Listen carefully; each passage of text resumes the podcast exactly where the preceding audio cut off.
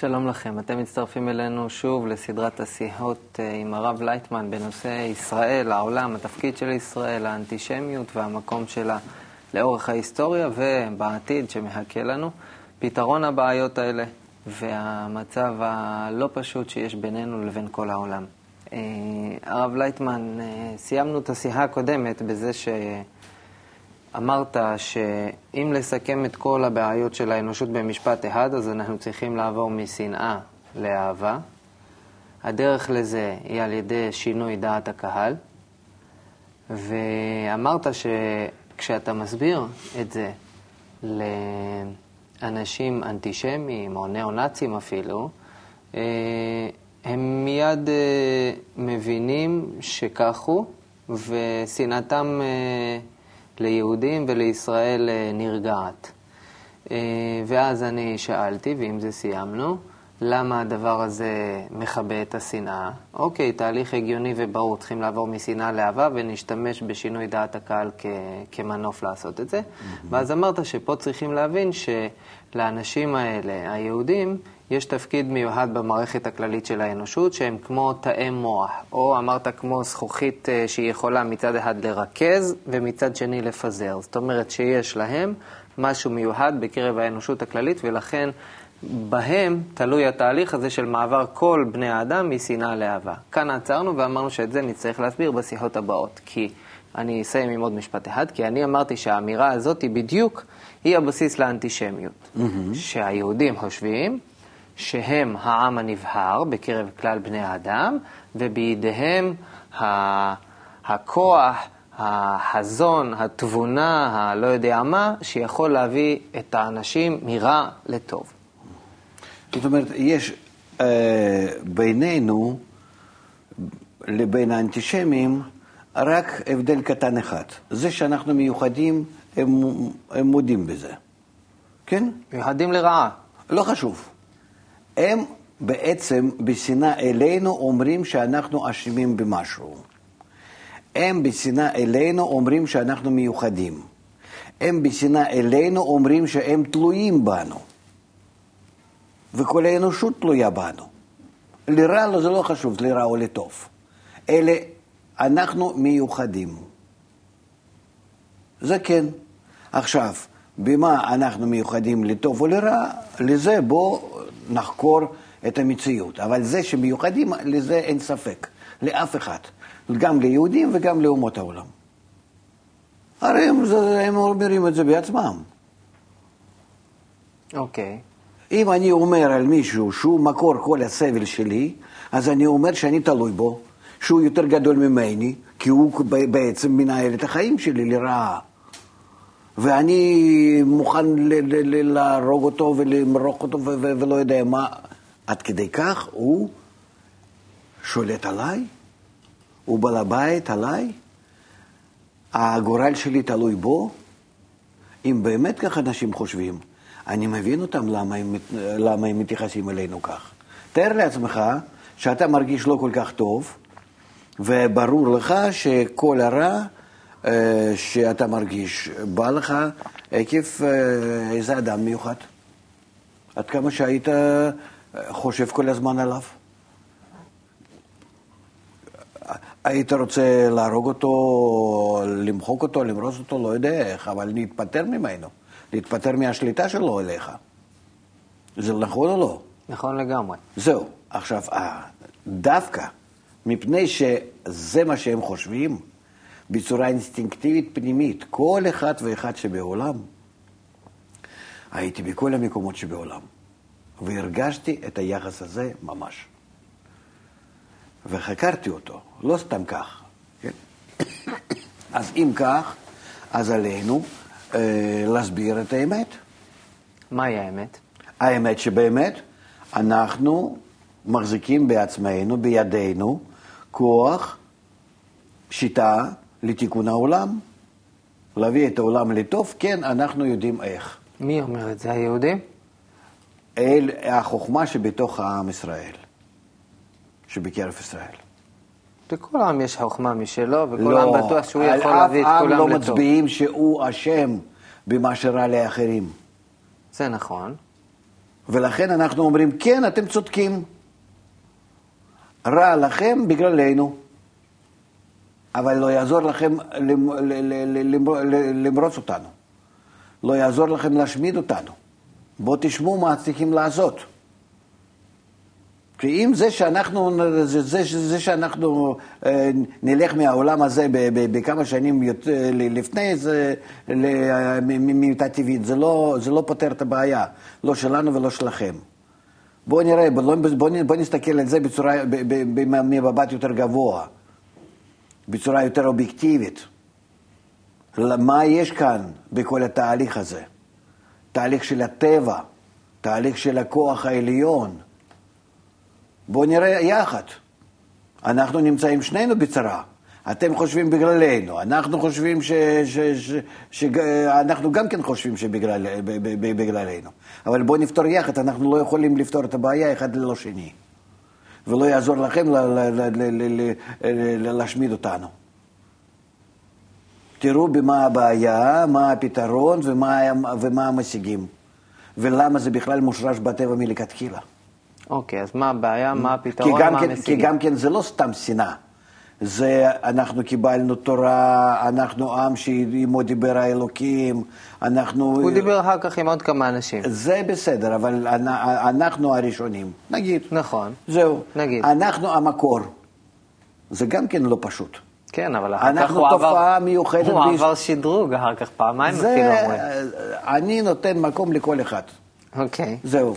אבל אנחנו, התופעה מאוד מיוחדת בהיסטוריה. לגמרי. זה כן. אין ספק. ו- ו- ועוד ועוד ועוד, ההצטיינות הזאת בכל מיני דברים, ו- ברור. לגמרי. בוא נלמד את הדברים האלה לעומקם, מה קורה כאן. הולכים. זהו. מה קורה כאן? קורה כאן תהליך שצריכים לעבור כולנו יחד, כולנו, הכוונה כל בני האדם. כל בני האדם. כן. ושתהליך הזה הוא מגיע למצב שאנחנו, כמו שעכשיו, מגיעים לפתרון.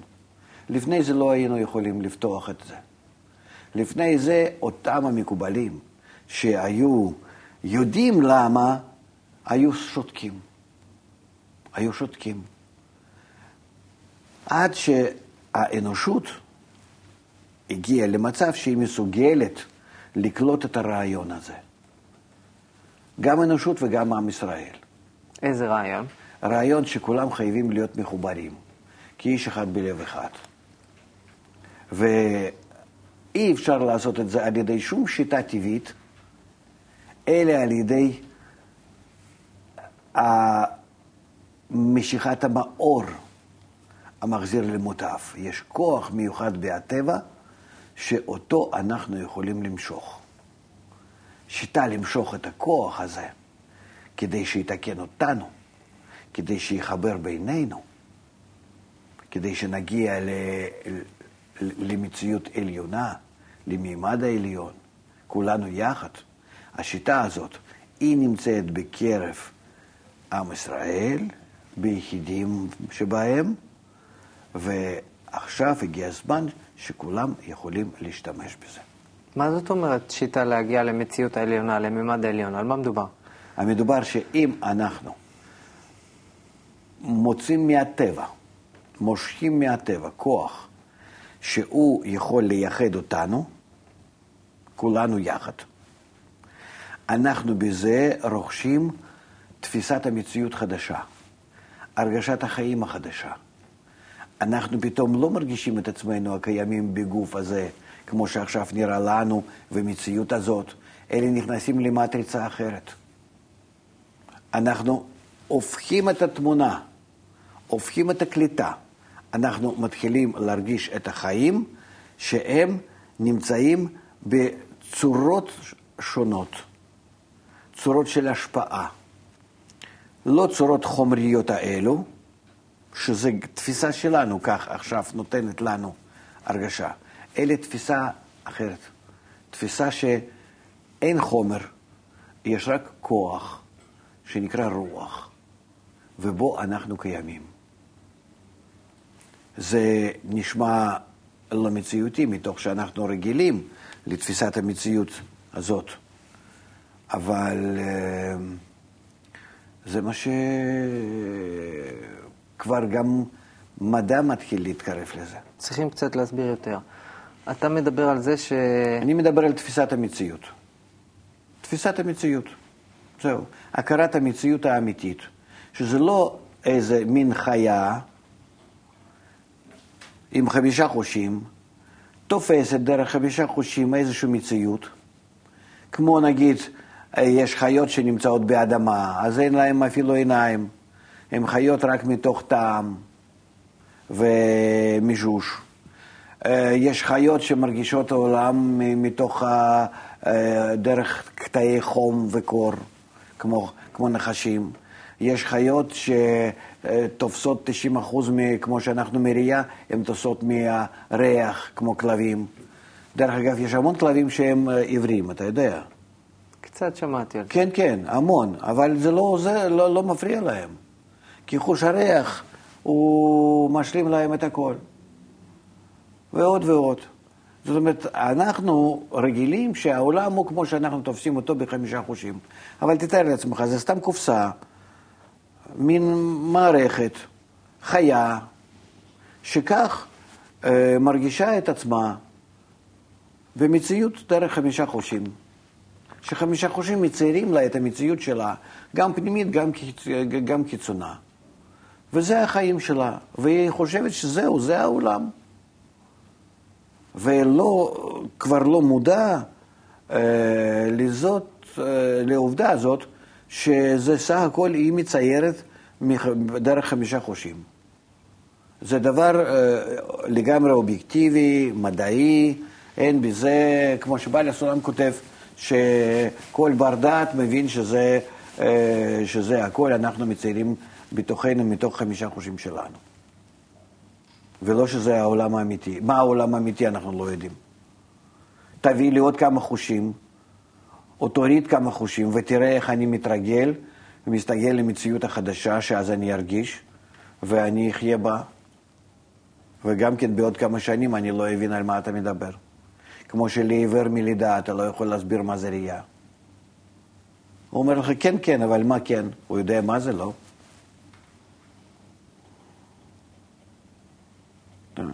זאת אומרת, אנחנו, כשעוברים מתפיסה האגואיסטית, כן? אה, אה, ש, שהכל מושכים לתוכנו, אינטרוברטית, לאקסטרוברטית, לתפיסת החיצונית, והכל זה על ידי הכוונה לעצמי או לזולת, זולת זה הכל מה שמחוץ אליהם. אם אני רק מתחיל כך לתפוס את המציאות, זו תפיסה, זו שיטה אחרת, הפוכה, בתפיסת המציאות, אז אני רואה מציאות הפוכה, אחרת. כמו שכתוב, עולם הפוך ראיתי. והתפיסה הזאת, ההפוכה, נותנת לי הרגשת החיים ההפוכים. זאת אומרת, אני כבר לא מרגיש את עצמי החי בתוך הגוף הזה הבשרי, כי הגוף הזה גם כן הוא במידה שאני הולך ומשתפר בתפיסה שלי החדשה, הגוף הזה מתחיל להיעלם מהחושים שלי, כי גם הוא חלק מתפיסת המציאות.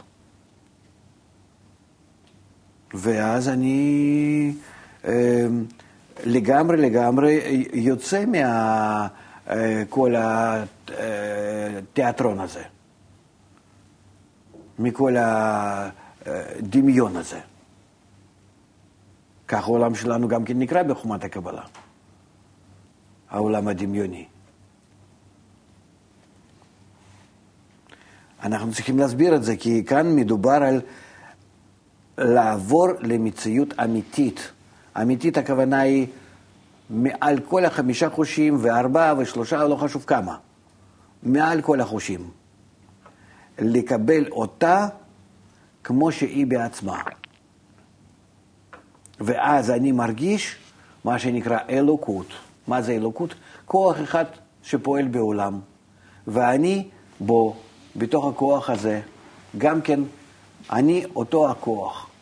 כי אני תופס את העולם ההוא, החיצון, הרוחני תקרא לזה, העליון תקרא לזה, הבורא, אה, לא חשוב, אלוקי תקרא. אני תופס אותו במידה שאני משתווה עמו. זאת אומרת שאין הבדל כבר ביני לבינו. אני משתווה איתו ב-10%, אז 10% האלו אני תופס. ואני והוא ב-10% אותו דבר. אין, אין שם אני והוא, אלה אנחנו. לפי החוק השתוות הצורה, אני מרגיש את המציאות ההיא.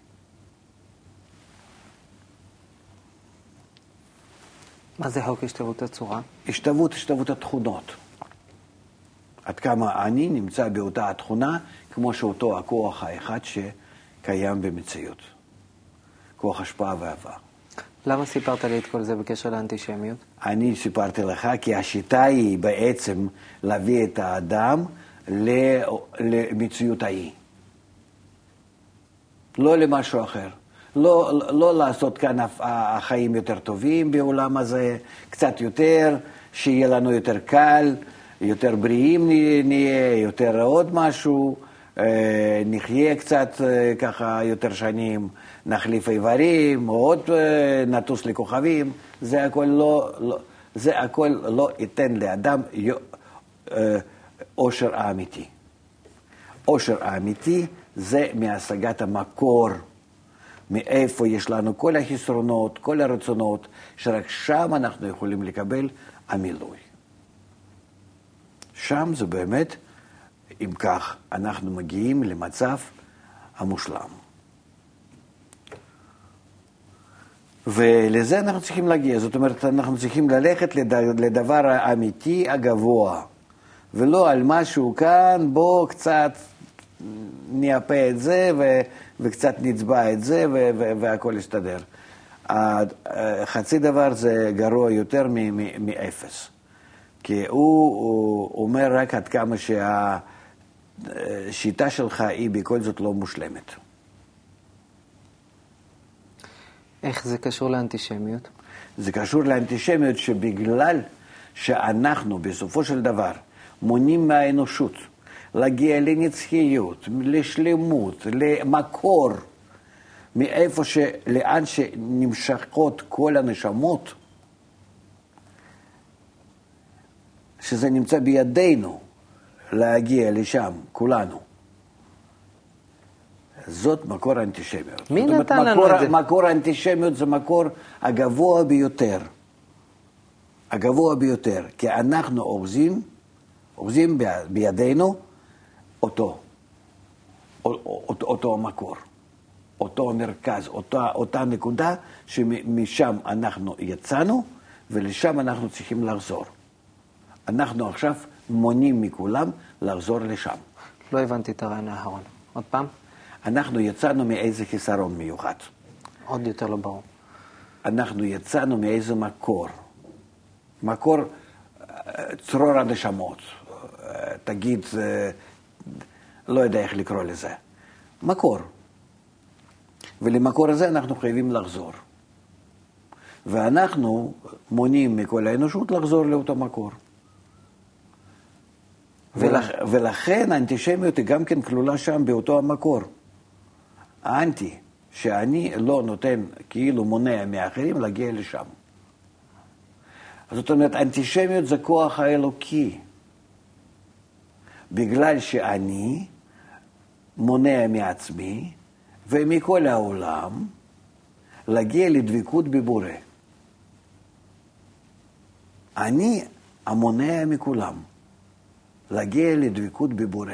אתה שומע עד כמה שחמור הפשע הזאת?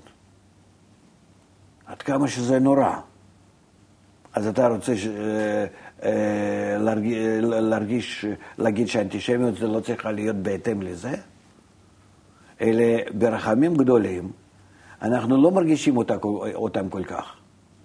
כי יש בתהליך שלנו אה, שלבים שאנחנו עוברים עם כל האנושות, שמתחברים ומתקללים ומוסרים זה לזה כל מיני יוצרות טבעיות שלנו ולהם בטבע, כדי להגיע למצב שעכשיו חייבים, כבר יותר ממאה שנה, חייבים אנחנו להיות במסירת השיטה לכל העולם. כך אומרים מקובלים. אני יכול כן. לשאול? מי, מי, מי נתן לנו את, ה, את, הש, את המפתח הזה לאושר הנצחי? מי נתן לנו אותו? ומתי?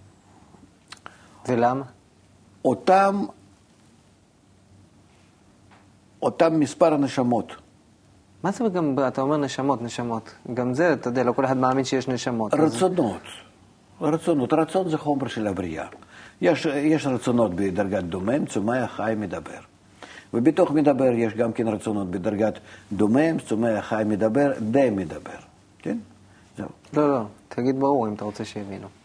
אני שאלתי מה זאת אומרת נשמות שהתחלת להגיד. נשמות. זה, זה, אז שוב, נשמות, אני אמרתי לך, כל הבריאה כוללת דצמח, ומדבר חי- גם כן כולל בתוכו דרגות של דצמח, האדם. האדם.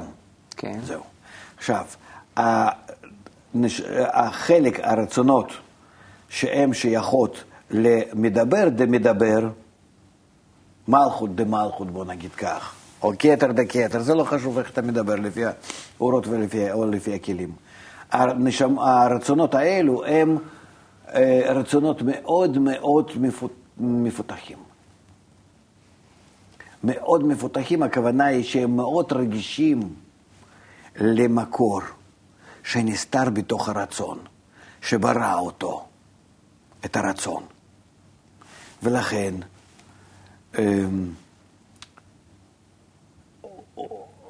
ולכן אותם הרצונות הם משתוקקים להידבק למקור שלהם, לאור, לכוח שהיליד אותם. אותם הרצונות הם, נקרא, הם נקראים נשמות של ישראל.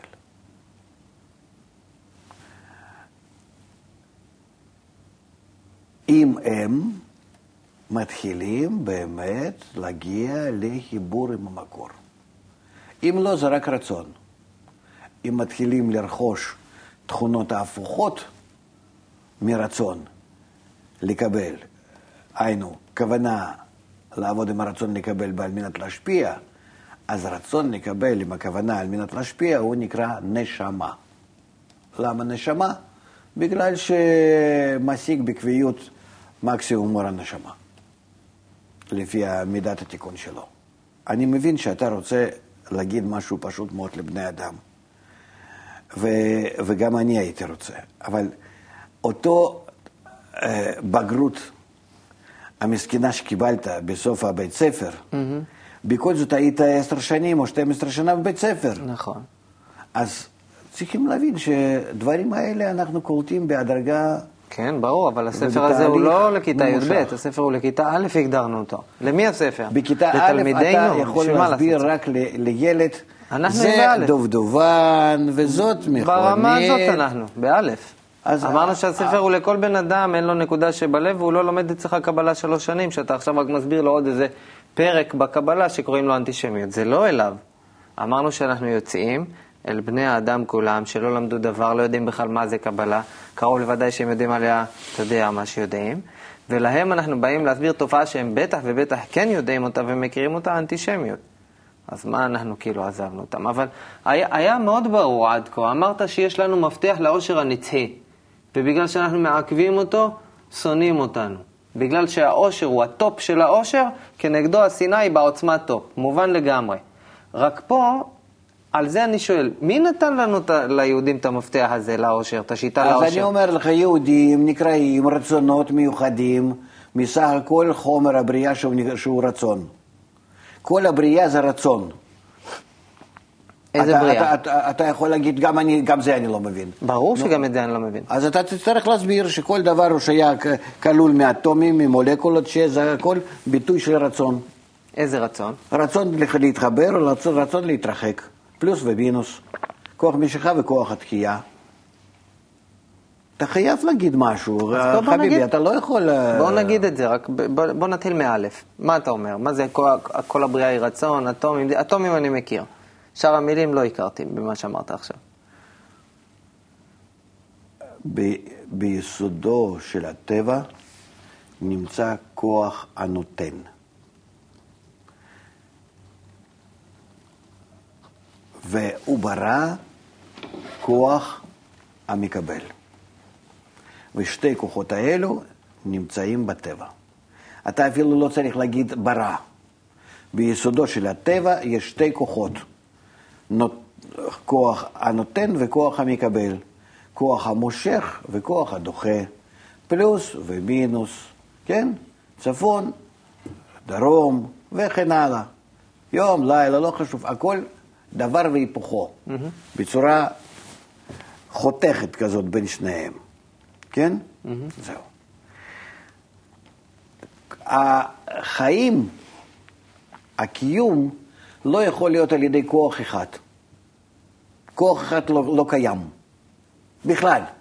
אנחנו לא יודעים מה זה נקרא כוח אחד.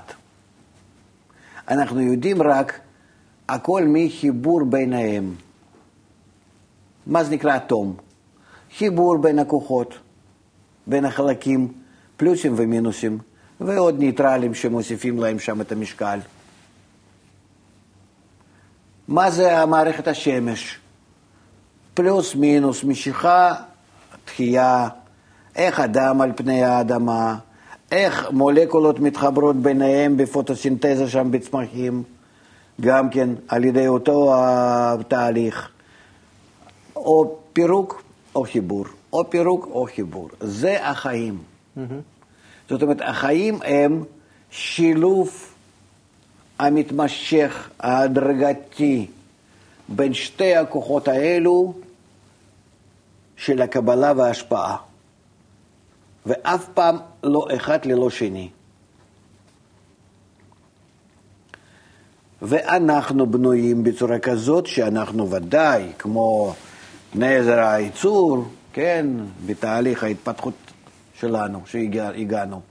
אנחנו גם כן כלולים, בנויים משתי כוחות האלו, בדרגת הדומם שבנו, צומח, חי שבנו ומדבר שבנו.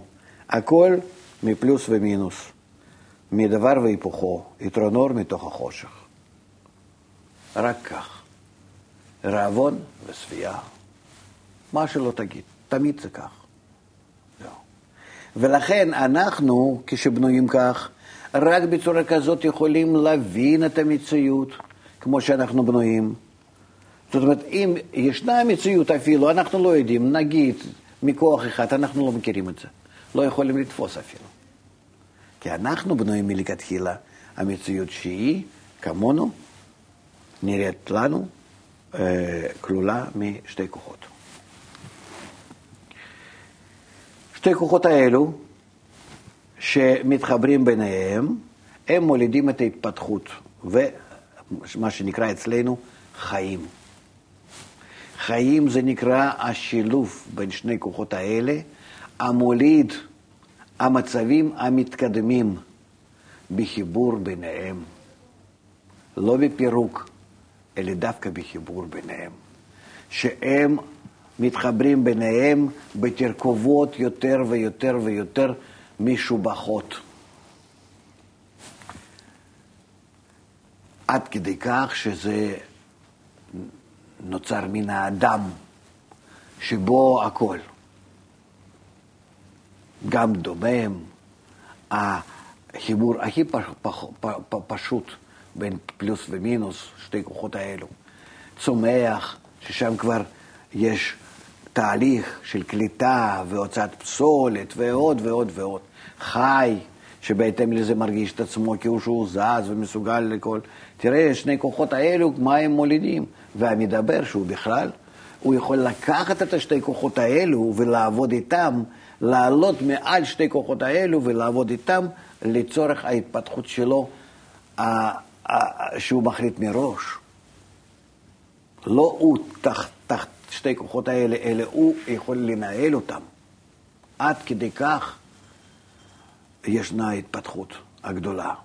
וכל הפירוק וחיבור בין שני הכוחות האלו, הם נקראים חיים.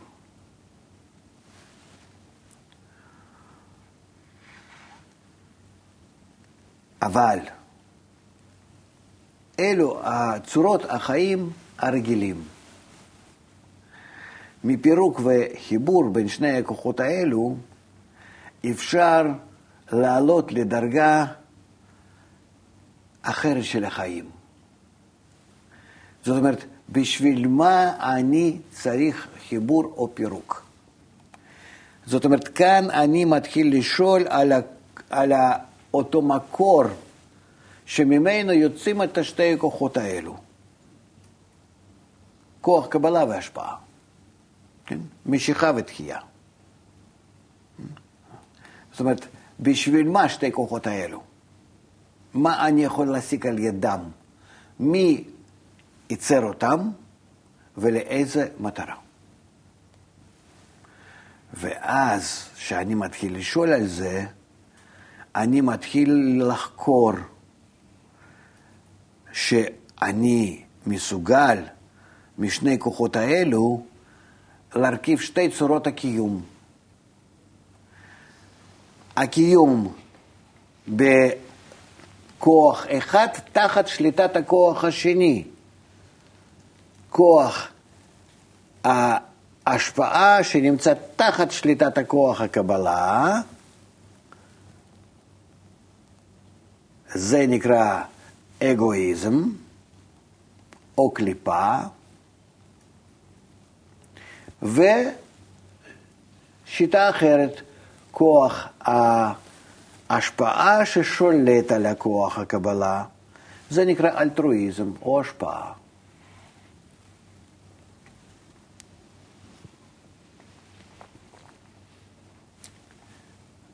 זאת אומרת, אני מתעלם מעל שתי כוחות האלו ובוחר באיזה אני רוצה להיות מצב. מי שולט? כוח השפעה על כוח קבלה או כוח קבלה על כוח השפעה? אני הבוחר. זה נותן לי יכולת להכיר אותו הכוח שממנו שתי כוחות האלה יצאו. אני מתחיל עכשיו, אז, להיות באותה, אני לא נמצא באותה דרגה כמוהו, כי הוא המוליד, אני לא מוליד, אלא מתוך זה שאני אה, מעמיד אצלי, מסדר ככה אצלי את היוצרות האלו, כוח קבלה וכוח השפעה, אני מתחיל להבין אותו, להכיר אותו, אותו המקור. וכך אני יכול להתקדם. עד שכל הכוחות שיכולים להתעורר בי, גם מקבלה וגם מהשפעה, אני מעמיד אותם בצורה שכוח השפעה שולט על כל הכוחות הקבלה. ואז אני לגמרי מבין, לגמרי מרגיש, לגמרי דבוק באותו המקור שיליד את השתי כוחות האלו. יכולת להעמיד את הכוח השפעה על פני כוח הקבלה, אני מקבל מלמעלה, מהשיטה המיוחדת הזאת שנקראת חוכמת הקבלה. אבל אפילו בלי השיטה ובלי חוכמת הקבלה, אנשים הגיעו לזה בצורה טבעית, אחר כך הם סיפרו לנו. אחר כך הם כתבו על זה וקראו לזה חוכמת הקבלה. איך לעבוד עם כוח הקבלה נכון, על ידי כוח השפעה שישלוט עליו.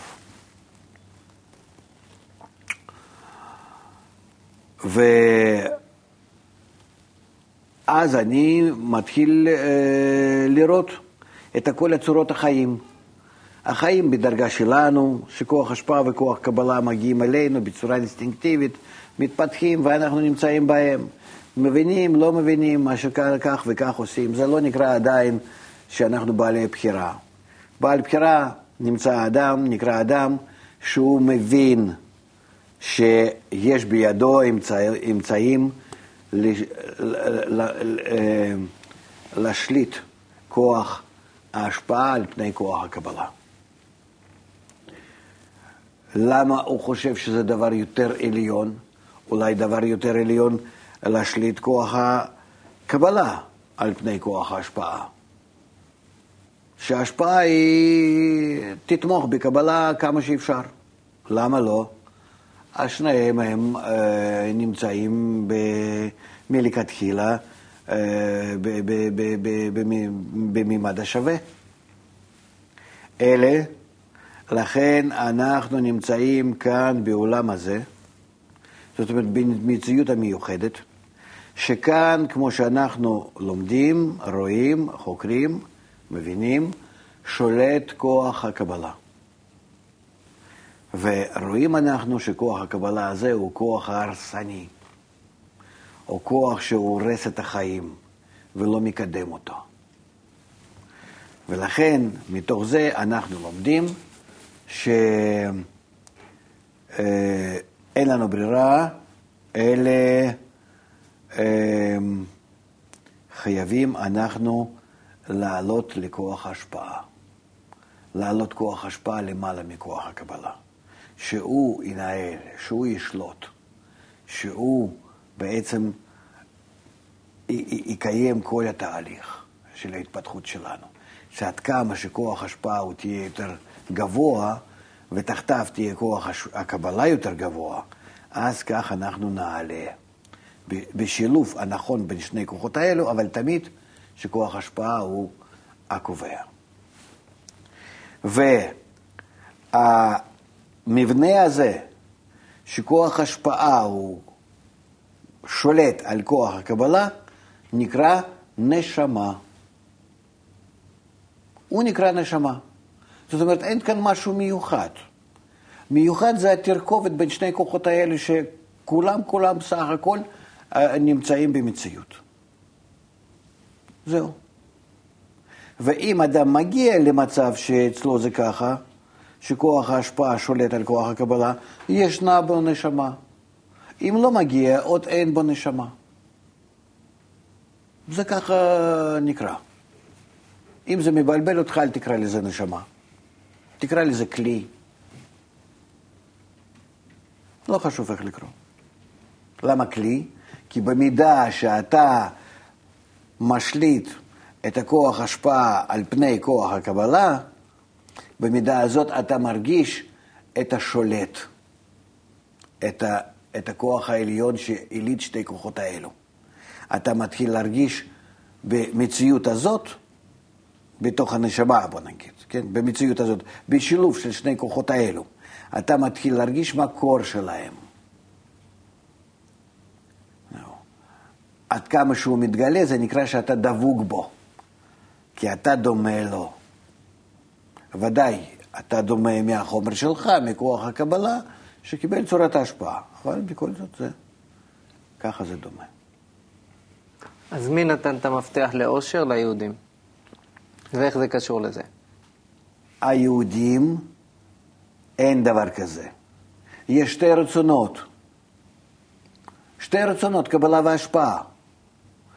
ושתי רצונות האלה, קבלה והשפעה, נמצא, נמצאים ביניהם בשילוב המיוחד, בהתמזגות המיוחדת. שני, שני כוחות אמרנו שיש, לא? שני כוחות, סליחה. בת, כוח... בטבע, כאילו, כן, בכל רמות הטבע. כן, פועלים כן. שני כוחות. כוחות כן? יותר טוב, כן. כן. לא רצונות. כן. רצונות זה אולי... שתי כוחות. אנחנו דיברנו על זה ששתי כוחות האלו הם נמצאים בדרגת דומם, צומח, חי, מדבר. בתוך המדבר, בדרגות דומם, צומח, חי, מדבר, די מדבר. הכי רגיש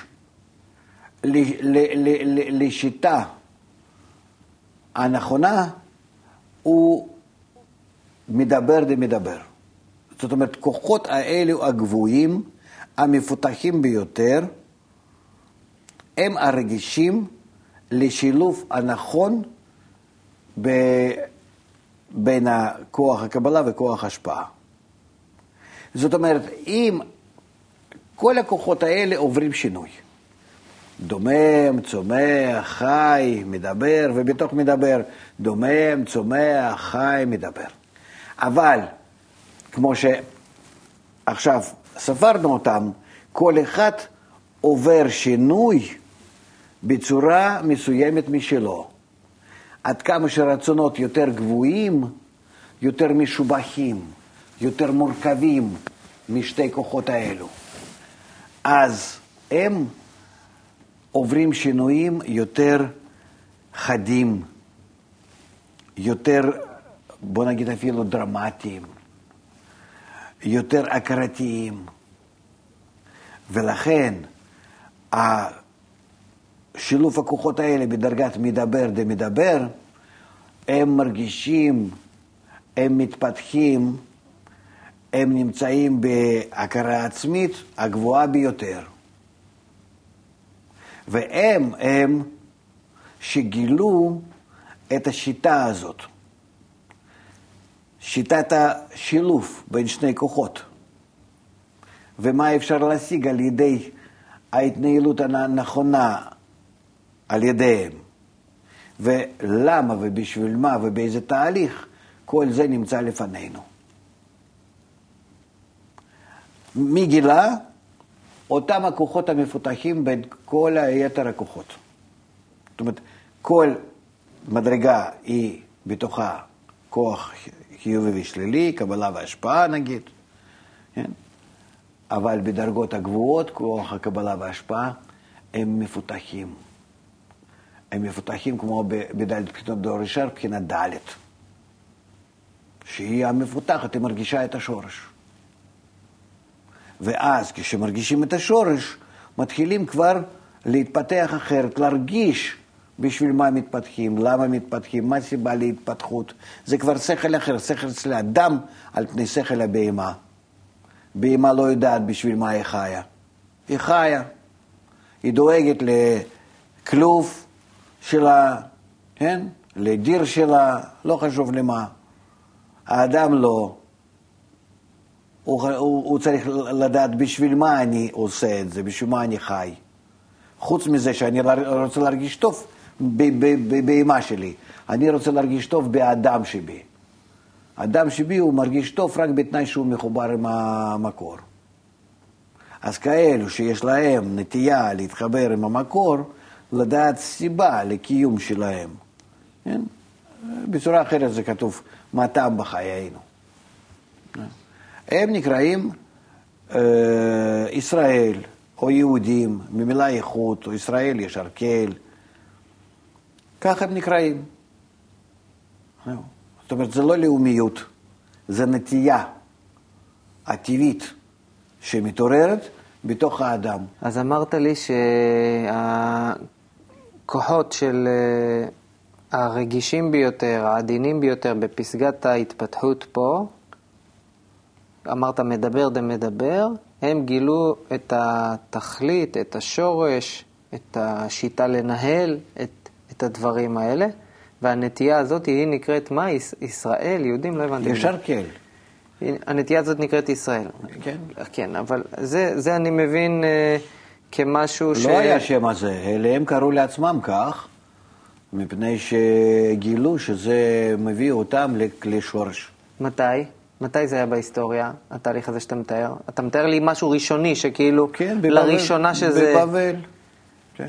אוקיי, ואז משם, ואז, ומה, מה? מה? ואז, ואז האנשים האלו, בוא נגיד, כן, אנחנו לא מדברים על אנשים, אנשים זה עטיפה, אנחנו מדברים על אלו שיש בהם שלופי, שלופי הכוחות האלו, כן?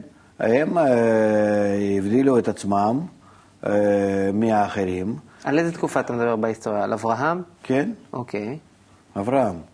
והם הבדילו את עצמם מהאחרים כדי להתקדם. כדי יחד אה, כולם אה, להתחיל לבנות את המציאות גשמית ורוחנית אה, חדשה, מתוקנת. מה פירוש? לא הבנתי. מתוקנת, זאת אומרת שעל ידי זה שאנחנו נעשה גם במישור שלנו, וגם במישור שלנו, הכוונה במישור הגשמי, הבהמי, דומם, צומח וחי. הם צריכים להיות באותה צורה המסודרים, כמו דרגת המדבר. אני צריך להגיע בדרגת המדבר לחיבור עם כולם. ועם כולם גם כן עם הדומם צומח וחי, עם כל המציאות, עם כל האקולוגיה, עם כל העולם הגלובלי, עם כל העולם האינטגרלי. אני חייב להגיע לצורה שאני וכולם זה אותו דבר. ואז במידה הזאת אני והכוח העליון גם כן נעשים אותו דבר. זאת אומרת, אה, כמו שכתוב, שדומם צומח חי, הם עולים ויורדים יחד עם האדם ללא שום חשבון וללא שום בחירה חופשית לעצמם. זהו.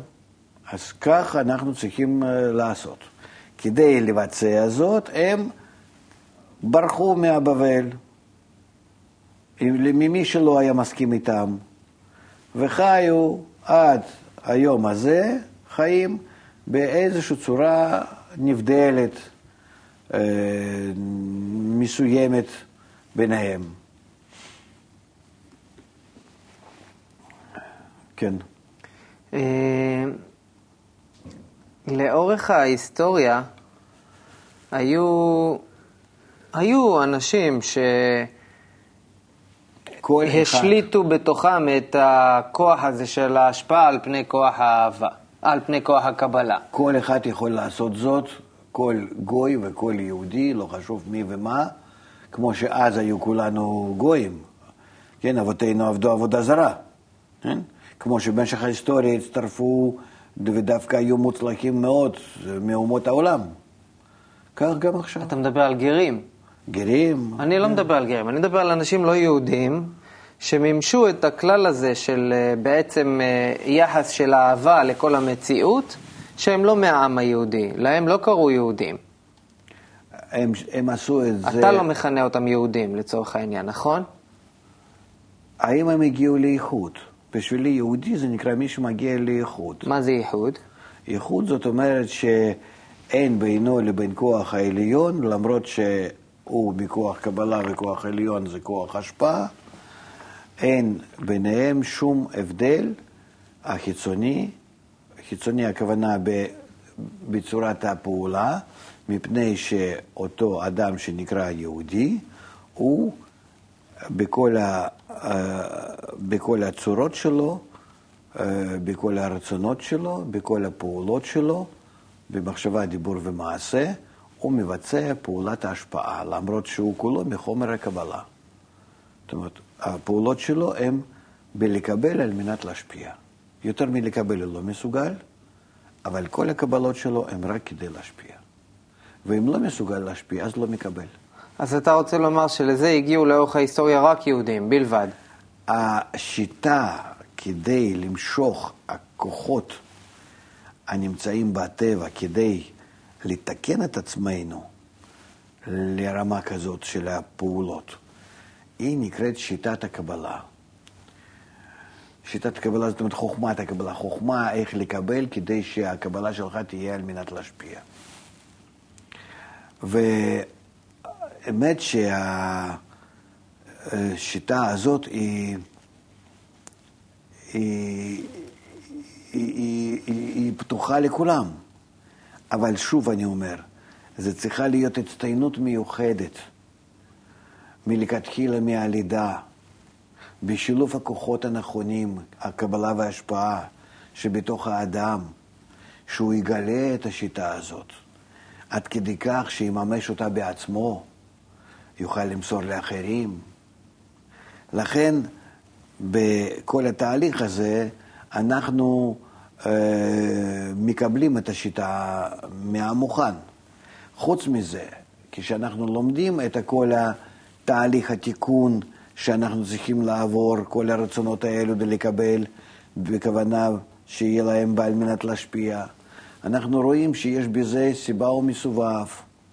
יש סדר שנקרא דורות, שלא יכול להיות שפתאום מישהו קופץ ועושה מה שבא לו.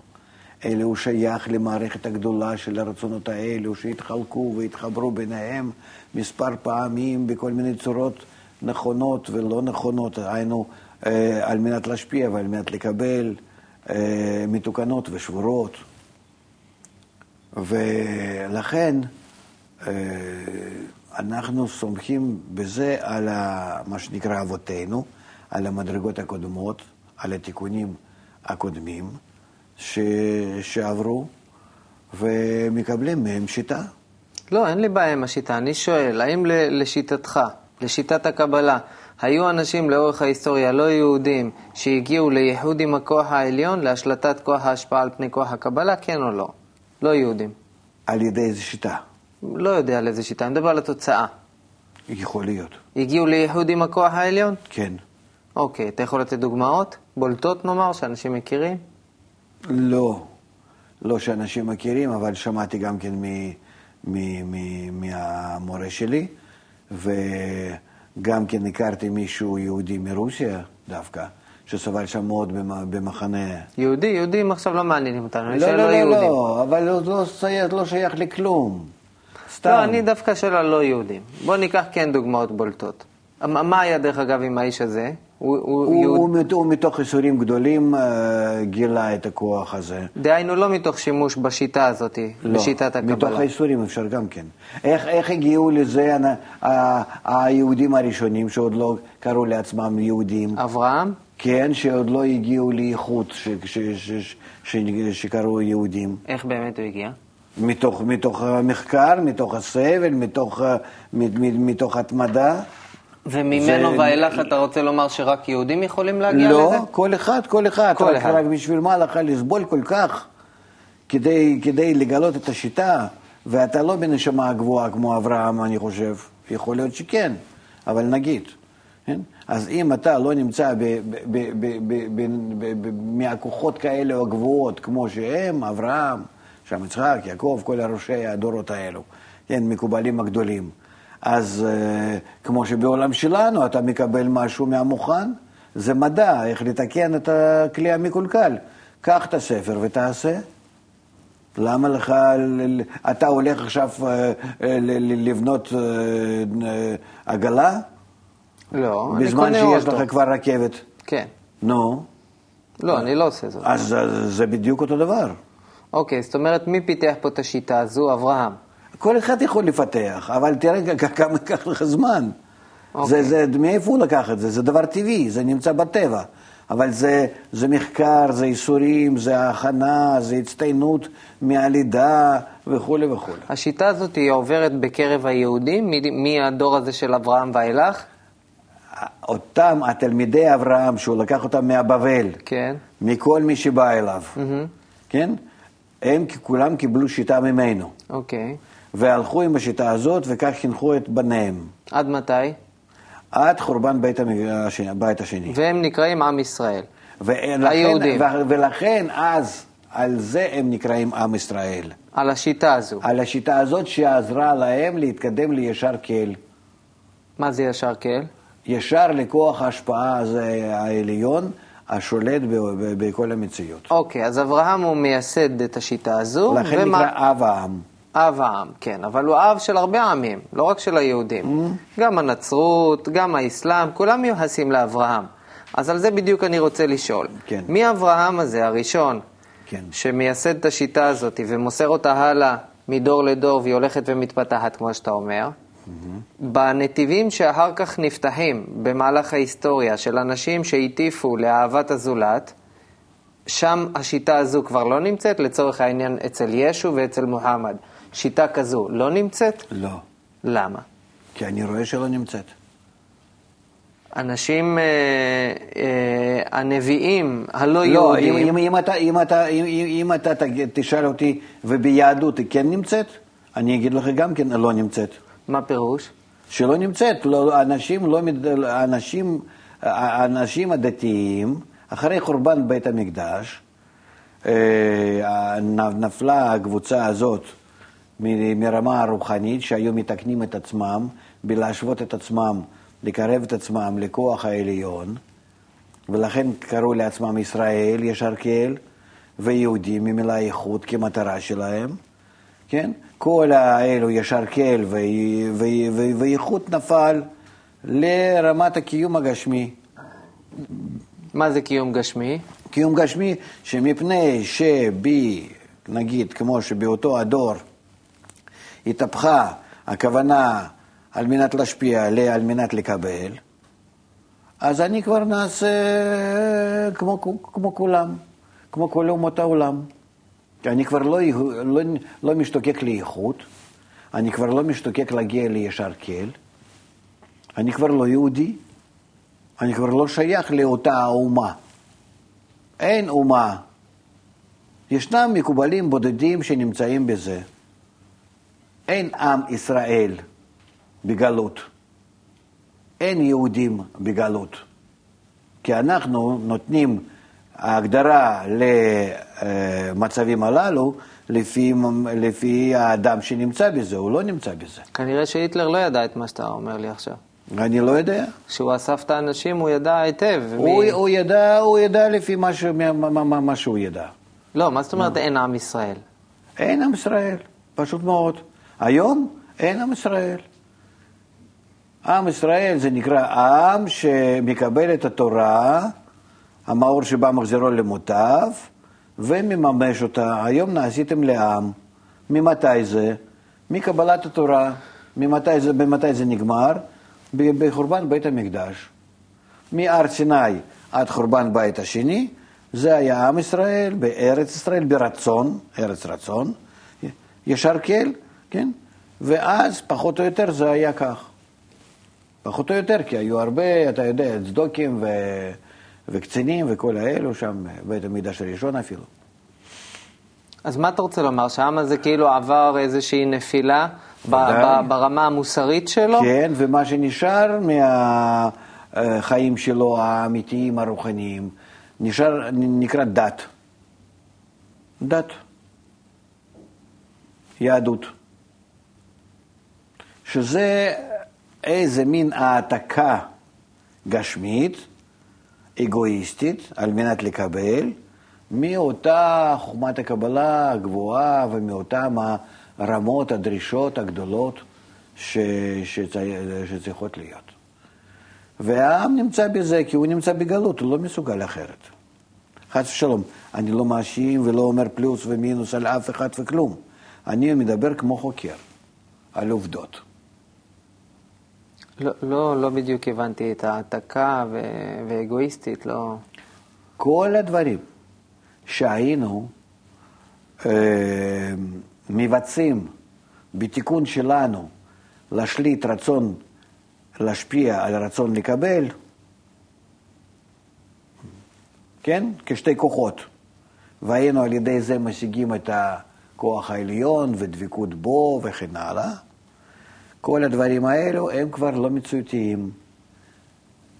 נשבר המסך, היינו יכולת להשליט כוח השפעה על כוח קבלה. אין כוח כזו. מה אני יכול לעשות רק? לעבוד עם כוח הקבלה שלי. רוצה אני. אכלתי ויוכלות. מה אתה רוצה? ליהנות בעצמי. לא על מנת להשפיע, לא זולת ולא כלום, אין לי הרגשת הזולת בכלל. ההפך יש לי, שנאת חינם. זהו.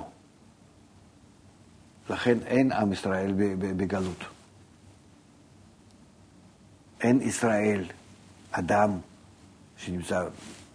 אה, ישראל זה, זה, זה ישר כל. ואם אני בגלות, זאת אומרת, אני נמצא תחת כלים דקבלה שלי. תחת רצון לקבל שלי, האגואיסטי. אז איך אני יכול להשתוקק לישר קל? אני לא יכול. לכן אין עם ישראל בגלות. אבל היהדות הוסיפה להתקיים מאז חורבן הבית. היהדות יוסיפה... אפילו שמרה על עצמה. כן, נכון. אני חס ושלום לא מבטל שום דבר. אני מדבר כחוקר. אז במקום אה, לתקן את עצמם, ולהתקרב על ידי זה לכוח העליון, למקור שלנו, אנחנו נמשכנו רק לעשות פעולות חיצוניות, שהן כהעתקה, מה שפעם עשינו ברצון. עכשיו עושים במעשה, בידיים, לא. ברגליים. לא ברור, אם תוכל להסביר. מכל התרי"ג הרצונות. מה זה תרי"ג הרצונות? אנחנו לא יודעים. שהם נכללים ברצון אחד לקבל, וכולם הם תרי"ג הרצונות. הם uh, צריכים להיות על מנת להשפיע, בכוונה על מנת להשפיע. אם אני מתקן תרי"ג הרצונות ועל מנת להשפיע, זה נקרא עשיית תרי"ג מצוות. אם אני באיזשהו רצון לא מסוגל לבצע פעולה על מנת להשפיע, רוצה לעשות אותה על מנת לקבל, זה נקרא שאני בעל עבירה באותה המצווה. אה, אנחנו נעצור את השיחה שלנו כאן, נמשיך בפעם הבאה, תהיו איתנו עד אז, שיהיה לכם כל טוב ולהתראות.